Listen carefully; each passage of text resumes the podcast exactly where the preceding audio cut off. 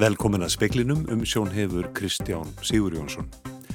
Rensli var afleðinni í Gíu kvísl heldur áfram að minka. Fluglitakóði var í dag færður frá gulum í apsínugulan vegna aukinar virkni eldstöðar og möguleika á eldgósi. Einn þingsti dagur vetrarins á bráðamóttöku landsbítalans var í dag. Fjölmarki leitið þangað eftir að hafa dóttið illa í hálku. Rauð veður viðvörun hefur, hefur verið gefin út á hluta Írlands vegna óveðuslæðarinnar Barra sem fer yfir Breitlandsegar á morgun og á miðugudag. Viðbúnaður er einnig í Breitlandi. Eitt stærsta úrlausnarefni komandi kjaraviðrana er hvernig bílið verði brúað á milli þeirra atvinnugreina sem farið hafa illa út úr faraldrinum og hinna sem betur standa. Þetta segir Franklandastjóri samtaka atvinnulífsins. Og formlegar viðræður um saminningu langanisbyggðar og svalbarsreps hefjast senn. Rensli og rafleðinni í Gíu kvíslaldur áfram að minka en sérfræðingar fylgjast enn grann grant með stöðinni við Grímsvötn. Fluglitakóði var í dag færður frá gulu í appilsínugulan vegna aukinar virkni eldstöðar og möguleik á eldgósi. Böðvar Svinsson, náttúruvár sérfræðingur hjá Viðustof Íslands, segir að jarskjáltar sem mældust á svæðin í dag hafi verið óvinju kraftmiklir. Í gær að þá náði hlaupið hámarki og er, hefur svo verið í rénum síðan og um, í morgun var, var Rennslið komið í 1100 rúmmetra á sekundu í Grímsvötnum, kom skjálti 3,6 og svo eftir skjáltar og þá höfum við fylst vel með. Það þarf ekki endilega þýða að það komi gós en það er alltaf möguleiki og þetta þarf ekki alltaf að gerast strax á eftir. Þetta getur tekið þessuna daga eða eins og 2011 þá kom nokkru mánuðin setna.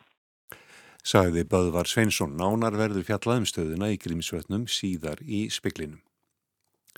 Flughálka hefur verið á höfuborgarsvæðin í dag og hafðu 16 leitað vegna hálkuslýsa á bráðamóttökurna klukkan þrjú í dag.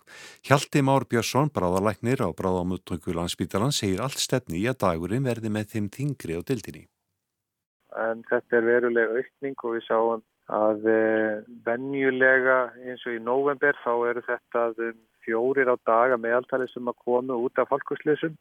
Um, það sem afið desember hefur þetta verið svolítið meira eða meðaltalum 10 á dag en í gær voru þetta 17 sem komi en eins og ég segi voru við komin upp í 16 strax um þrjúleitið og því miður stefnir í að þetta verði með þingstu dögum í hálkursleysum á dildinni. Það er lang flestum tilfellum er þetta fólk sem að uh, dettur gangandi En það er ekki bara þess að sem ferðast á milli staðagangandi heldur líka fólk sem að gætir ekki að sem þegar það gengur úr bílnum eða bílum. Það er algengast að þetta sé áverkar á handleggi en það er þó til í dæminu að fólk fá alvarleg höfuðhögg, hálsáverka og einni fótbrott og ryggjaráverka. Þannig að það þarf að fara varlega.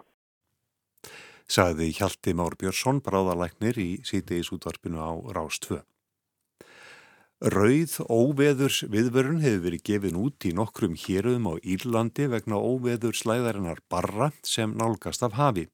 Útlitt er fyrir vondveður víðas hver á Breitlandsegjum meðan hún fer yfir.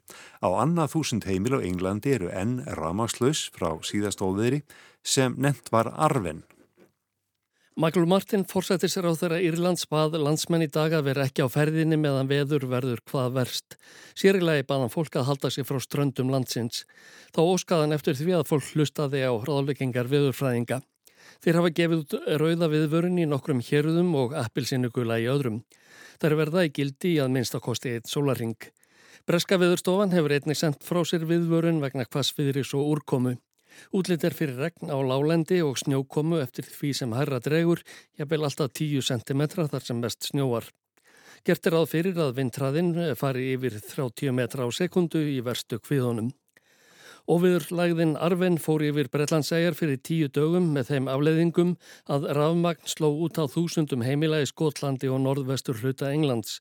Fyrir í dag voru 1300 heimili enn án rafmagns.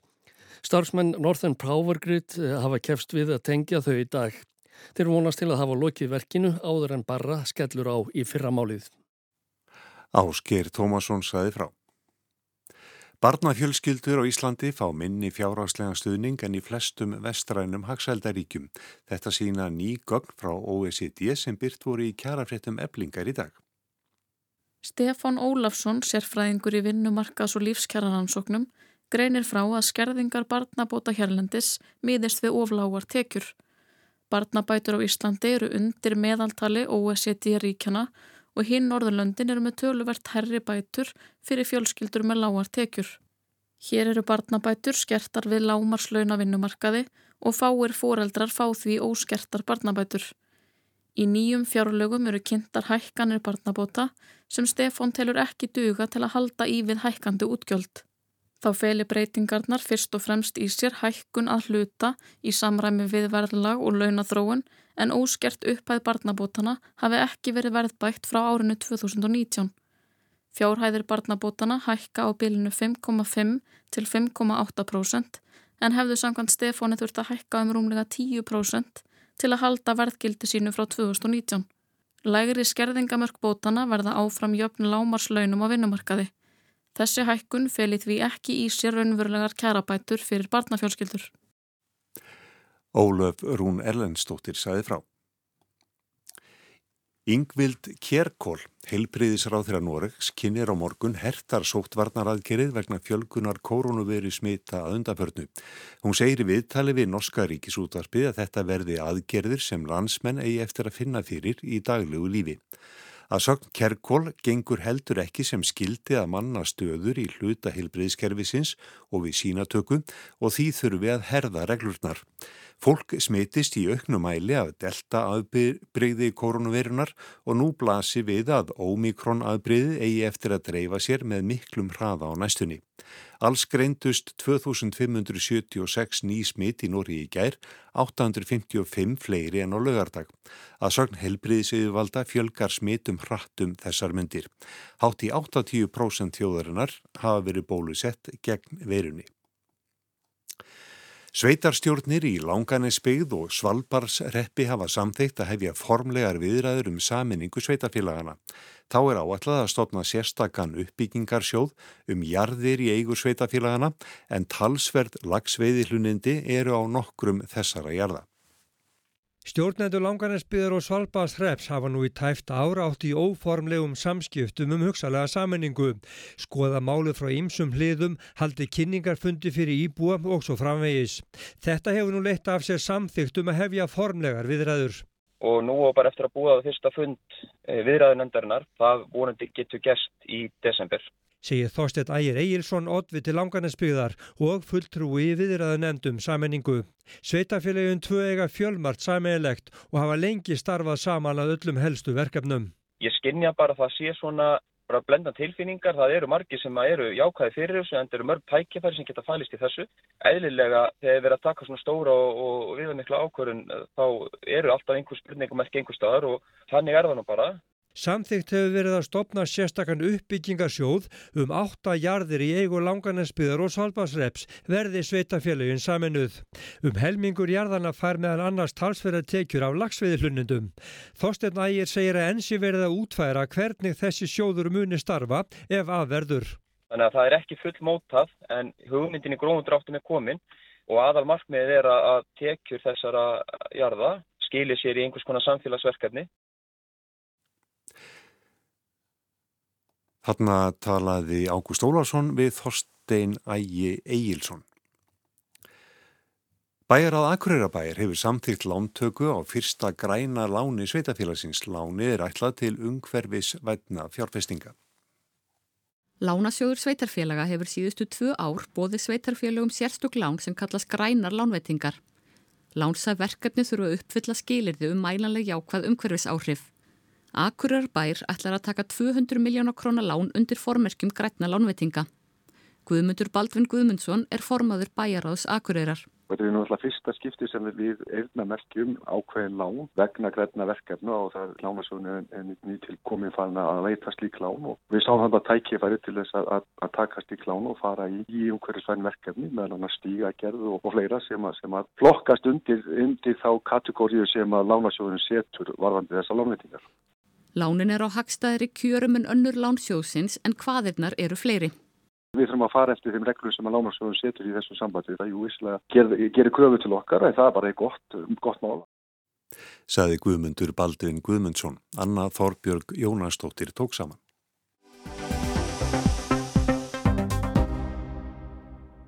Grímsvötn gjósa oft en oftast eru gósin frekar lítill og þeim fylgja ekki hamfarir frekara jökullaup.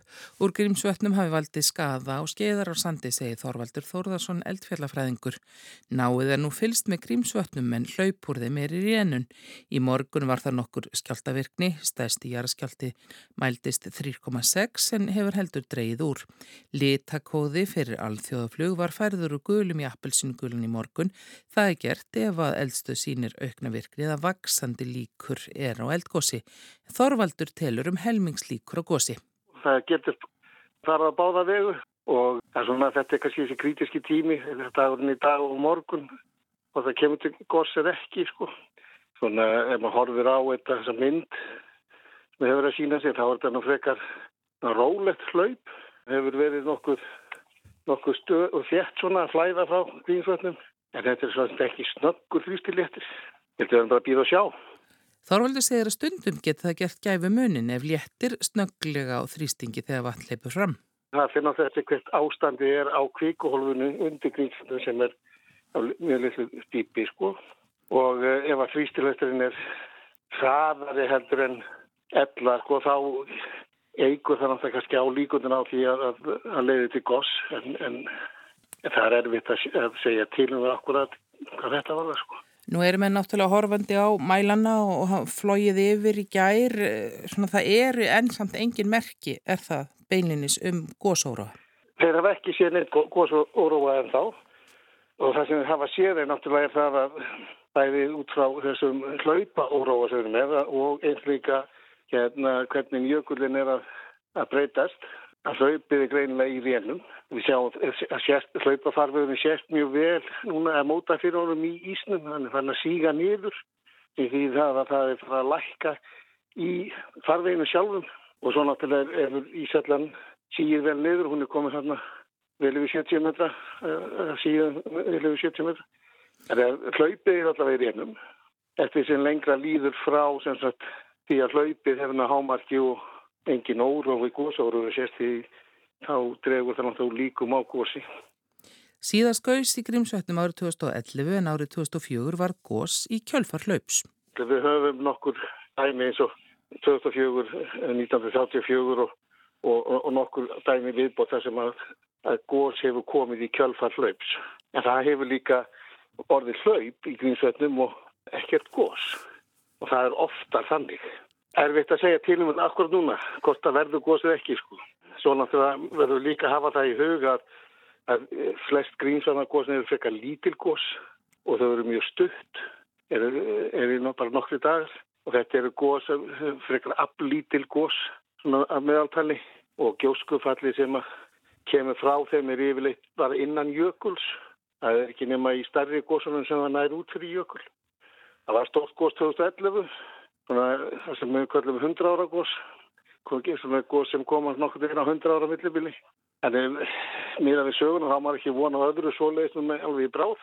En maður reiknaði með svona frekar litlu gósi og, og ef að, að gjóskufalli er að mestu á jökulinn og uh, hlaupi hefur ekki gert einn usla þannig að þá má heldur lífi bara áfram sem vana gang þátt fyrir gósi grímsvöndin. Þannig að þetta er svona sem kannski sem betur fer ekki vona á miklum hamförum það er leika góða við grímsvöld þegar gjósa mjög oft en yfirleitt er þetta þá lítil gós og, og þeim fylgja frekar villar hamfari. Það er kannski fyrst og fremst hlaupin sem að valda þá skafanir og skeður og svona.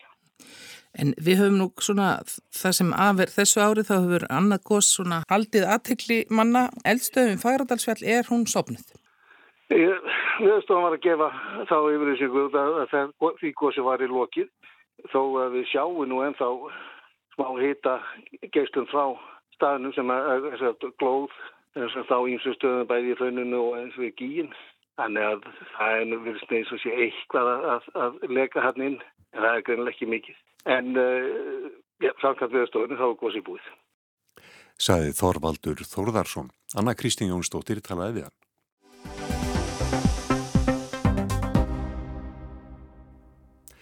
Lífskjara samningurinn sem undirritaður var í aprílbyrjun 2019 gildir til annars nóvember á næsta ári. Fórustu fólk samtaka atunlífsins og í verkefliðsreimingunni er sammálum að viðraður um nýjan kjara samning þurfi að byrja sem fyrst á nýju ári. Annamáli svo hversu samtaka og sammála þau verðum intak og markmið þeirra viðræna. Í stjórnarsáttmála nýra ríkistjórnar er vikið að vinnumarkaðsmálum og þar er meðal annars sagt að stöðla verði að bættum vinnubröðum og aukinni skilvirkni við gerð kjærasamninga að höfðu samráði við aðila vinnumarkaðurins. Styrkja þarf hlutverk ríkisáttasemjara til að bæta undirbúning og verklag við gerð kjara samninga, fækka málum sem lendi ágrenningi og tryggja að kjara viðraður drægist ekki úr hófi fram. Í fjárlaga frumarpi ríkistjórnarnar er talað um að kjara samningar á næsta ári endur spekli efnahagsli skilirði og skili farsætli niðurstöðu.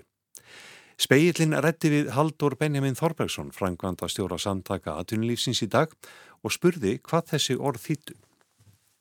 Já, sennilega er það nú þannig að hver og einn getur lesið þetta með sínum glerugum sko. En það sem ég lesi í þetta er eftirfarandi að síðustu kjærasamningar sem voru undirritaðir á vormánuðin 2019 voru þetta gerðir fyrir COVID, það er að segja enginn sá fyrir eh, áhrif COVID bæði hér á Íslandi eða Európa um heim allan sko.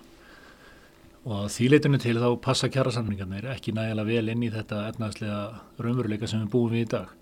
Það sem ég leys út úr þessum skilabúðum er einfallega þetta að við þurfum að spyrja okkur í upphafi kjæralótu. Hver er hinn efnaðslega raunveruleiki sem við búum við og við þurfum bara að horfast í augu við það í upphafi samningalótunar. Og eftir að við höfum komist að því hvað sé til skiptana þá eigi kjæralótana snúast um það með hvaða hætti eigum við að skipta því og ég hef að þetta verði nú helsta úrlausnarefni sem við stöndum fram með fyrir við gerð næstu kjærasamlinga og ég get nú bætt í við að ég tek heils hugar undir þessi skilabóð en það held ég að þau séu að stopna til bara heilbrið skýnsemi. Er ekki þetta skilita líka þannig að verkefliðsreifingin er bara halda sig á mótið? Ég myndi nú ekki tólka þetta með þeim hætti en hins vegar sko ef við horfum til Norðurlanda og skoðum já, samskipti aðeila vinnumarkaðarins þar þá er þetta mitt megin verkefni annars vegar stéttafélaga og hins vegar atvinnureikanda í upphafi kjæralótu að komast að því hvert svegrúmið sé. Og síðustu já, tveimur áratugum eða svo hefur okkur ekki auðnast að gera slíkt á Íslandi. Og við auðvitað vitum hvað afleðingar það hefur sko. allir sem muna lengra aftur en 5, 10 eða 15 ár vita í hvers skipti sem við fyrir fram úr okkur við gerum kjærasamninga þá fáum við það í hausin og við sjáum núna að það eru mörg teikn á lofti þess efnis að síðustu kjærasamningar þau tóku auðljóslega ekki mið af COVID ástandinu og við munum fá það í hausinn ef við leiðréttum ekki þann kurs sem allra fyrst. Nú er útlut fyrir að kjærasamningar haldi eh, til fyrsta nógumber og næsta ári. Hvað er það mikilvægast að ykkar áliti að verði rætt í aðdraganda næstu kjærasamningar? Já, svo sem báðir aðilar samankvort að ratunreikundur að stjættafélagin hafa gefið það út að það sé fullur viljið til þess að hefja viðræður fyrr en ella og ég held að ég verði bara að taka undir með því sem að kemur fram í fjárlögunum að því meiri umræðu sem við náum við stjættafélagin í aðdraðanda kjærasamninga um hver staðan sé, til dæmis í mismunandi atvinnugreinum, þannig að við búum við það núna að það hefur myndast misgengi í atvinnulífinu hvað hefur með því sumstaðar hefur gengið ágætlega á meðan að aðrar atvinnugreinar eru enn í sárum eftir COVID og ég held að það hljóti að blasa við að það verði eitt stærsta úrlausnarefni við gerðum næstu kjærasamninga hvernig við brúum bylið á milli mismunandi aðtunugreina. Þannig að ég myndi vilja fá sem dýpst samtal um það strax á fyrstu metrunum. Finnst ég orðræðan og umæli fórustumála stéttafélagana benda til þess að þetta verið farsælar umræður? Já, ég vil auðvitað og trúi því að hvort sem það eru formenn stéttafélaga eða meðlumir stéttafélaga að fólk sé skinsamt, það átti sig á stöðinni, það átti sig á þeim árangri sem við höfum náð hérna á undarförnum árum. Það meti heilstætt efnaðslega stöðu landsmanna, kaupmáttur hefur farið vaksandi á undarförnum árum. Jafnvel þótt blikur sé á lofti að kaupmáttur muni gefa þess eftir núna á svona síðustu metrum kjærasamningsins. Þá er það alveg óumdeilt að við höfum sjaldan verið sem þjóð í betri stöðun akkurat núna. Ég hef reynd að teima mér það að sjá glasið hálf fullt frekar en hálf tómt og vona að einhvers konar skinsamlegar viðræður aðeil á milli muni geta já, leitt til farsætlara neðustöðu en það er alveg ljóst að ef við skoðum söguna að það muni verða vendingar á þeirri leið þetta verður að mínum dómi langur vetur framöndan og mikilvægt að við nýtum núna þessa mánuði, eh, síðustu mánuði þessa árs og fyrstu mánuði næsta árs. Ég allir aðeinar komið vel undirbúni til leiks með það markmiði sjáðu eins og við höfum sett okkur áður að kjærasamningur taki við að kjærasamningi og ég vil trúa því að það sé mögulegt og það væri mjög ánægilegt ef það myndi takast seint næsta haust. Hvernig líst þér á þau ákvæði í stjórnarsáttmálanum um að ebla starf ríkisáttasemina? Ef við bökkum kannski tæp tíu ár aftur í tíman eða svo, svona eftir hunds árin, síð eftir hunds árin skulum við kalla það, þá myndaði samhljómur á milli aðtunurreikanda og stjættafélaga bæði á almenna og ombera markanum að fara og skoða svolítið ofan í kjölinn hvernig vinnubröð væru við gerð kjara samninga á Norðurlandun og við kunum kalla þetta hvaða nafni sem er ég kalli þetta einfallega því nafni að læra af þeim sem eru betri í einhverjum við og held að það sé ágættist nálgun Og ef við skoðum aðeins þetta umhverfi kjærasamninga eins og það byrtist okkur á Norðurlöndum, þá er alveg ljósta en bætti ríkisáttasemjara á Norðurlöndum hefur svona ríkari valdheimildir en hér. Og það eru margir innan aðeila vinnumarkaðarinn sem hafa talað fyrir því lengi að það sé nöðsynlegt að styrkja en bætti ríkisáttasemjara og afstæða mín og samtaka aðtunulífsins er svo að það sé risastórt skrefi í rétta átt en aftur það er að eiga sér samtala með aðeila vinnumarkaðarins með hvað hætti þetta verið útfært En eins og þessu er stilt upp í stjórnarsáttmálunum, þá tel ég að þetta sé gæfu spór. Þetta er ekki til þess fallið að leysa úr þeim áskorunum sem fyrir dyrum standa. En eins og það getur þetta tryggt það að ferlið gangi betur fyrir sig en það hefur gert hinga til. Við getum tekið dæmi.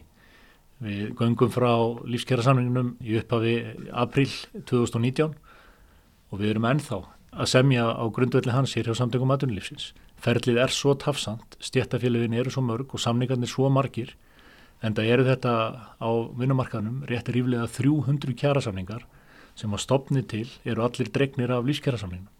Þannig að það sér hver maður í hendi sér að þetta ferlið er afskaplega tafsamt og það eru fjölda margar leiðir til að gera það skilvirkara en það byrtist okkur í dag.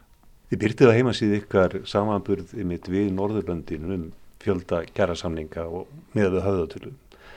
Þið eru nánast að segja að hér síu styrtafélugin allt og mörg. Við teljum að það mægi bæta verulega vinnubröðu við gera kjærasamninga og hluti af því er að gera færri og stærri kjærasamninga þar sem að stærri samningsheldir mæta samtökum aðtunulífsins með það fyrir augum að framkalla betur þessar breyðu línur sem samiður um í kjærasamningi en það held ég að margir geti tekið undir það að það sé afleitt að vera búa til sérstakar kjærasamninga fyrir já 1, 2, 3 og kannski upp í 20 starfsmenn og mín sín og sín samtaka atvinnlífsins eru auðvitað svo að við hægt og bítandi færumst nær því sem við sjáum á Norðurlöndum þar sem að miklu starri skipulagsheldir eru að gera kjærasamninga en hér. Saði Haldur Benjamin Þorbergsson, frangvandastjóri samtaka atvinnlífsins. Rætt verðu við fulltrúa verkalýsreifingarinnar í speklinum á morgun.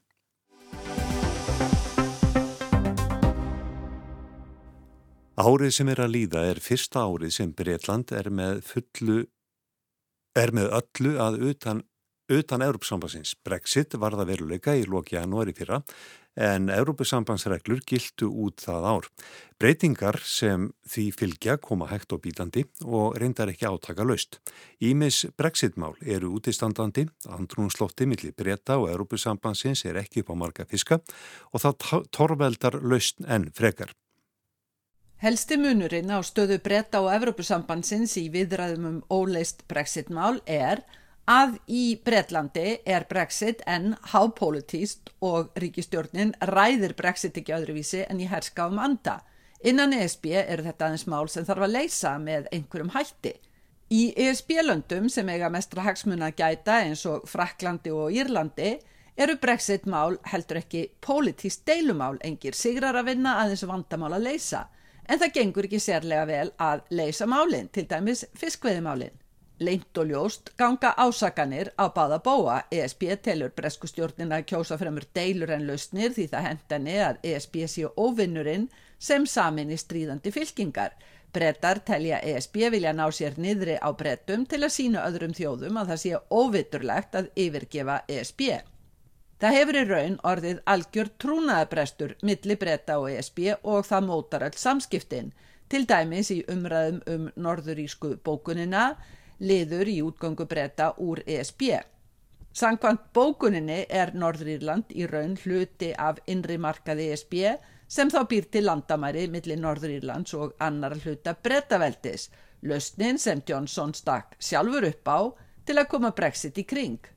Nú segir David Frost, Brexit-ráð þeirra allt aðra sögu af bókuninni, ekki lengur snjallræðið sem útleisti Brexit, heldur atriði sem ESB notaði til að styrkja stöðu sína. Í fyrirlestri nýlega saði Frost það nú útbreytanskilningi í Breitlandi að ESB hafi reynd að nota stöðu Norður Írlands til að hindra Brexit eða allavega halda breytum nátengtum ESB.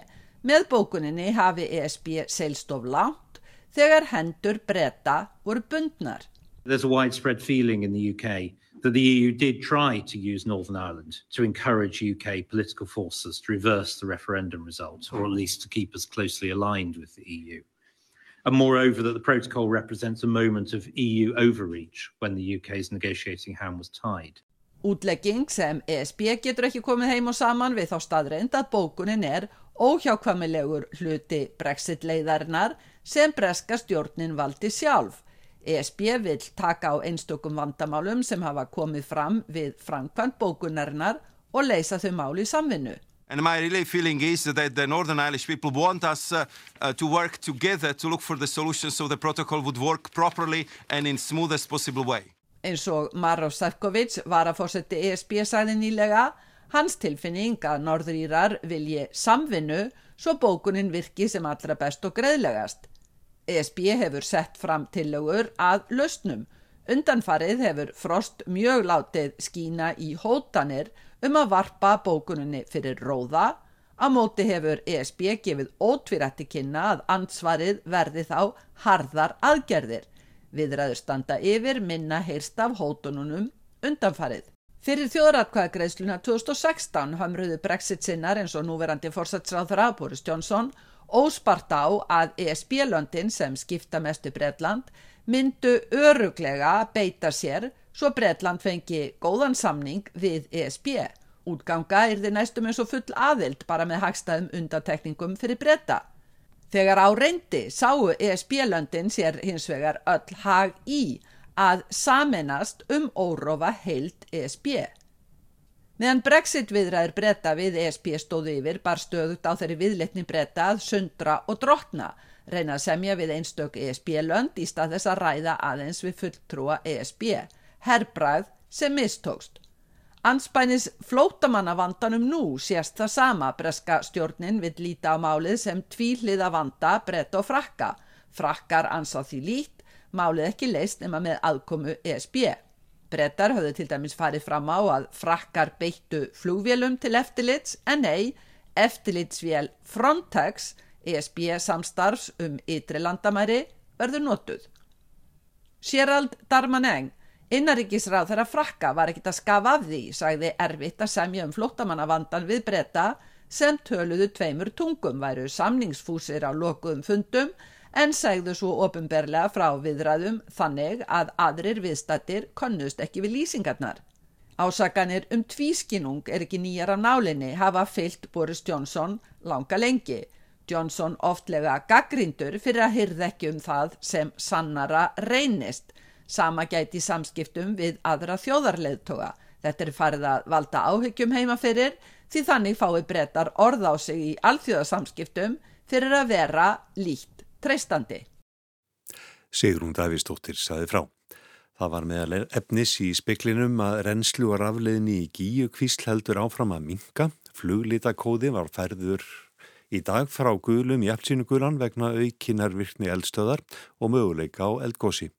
Eitt hingsti dagur vetrarins á bráðamóttöku landsbítalans fær í dag fjölmarki leituð þangað eftir að hafa dottið illa í hálku. Rauð veður viðvörun hefur verið gefin út á hluta Írlands vegna óveðislæðar sem fer yfir Breitlands segjar á morgun og á miðugudag. Viðbúnaður er einnig í Breitlandi.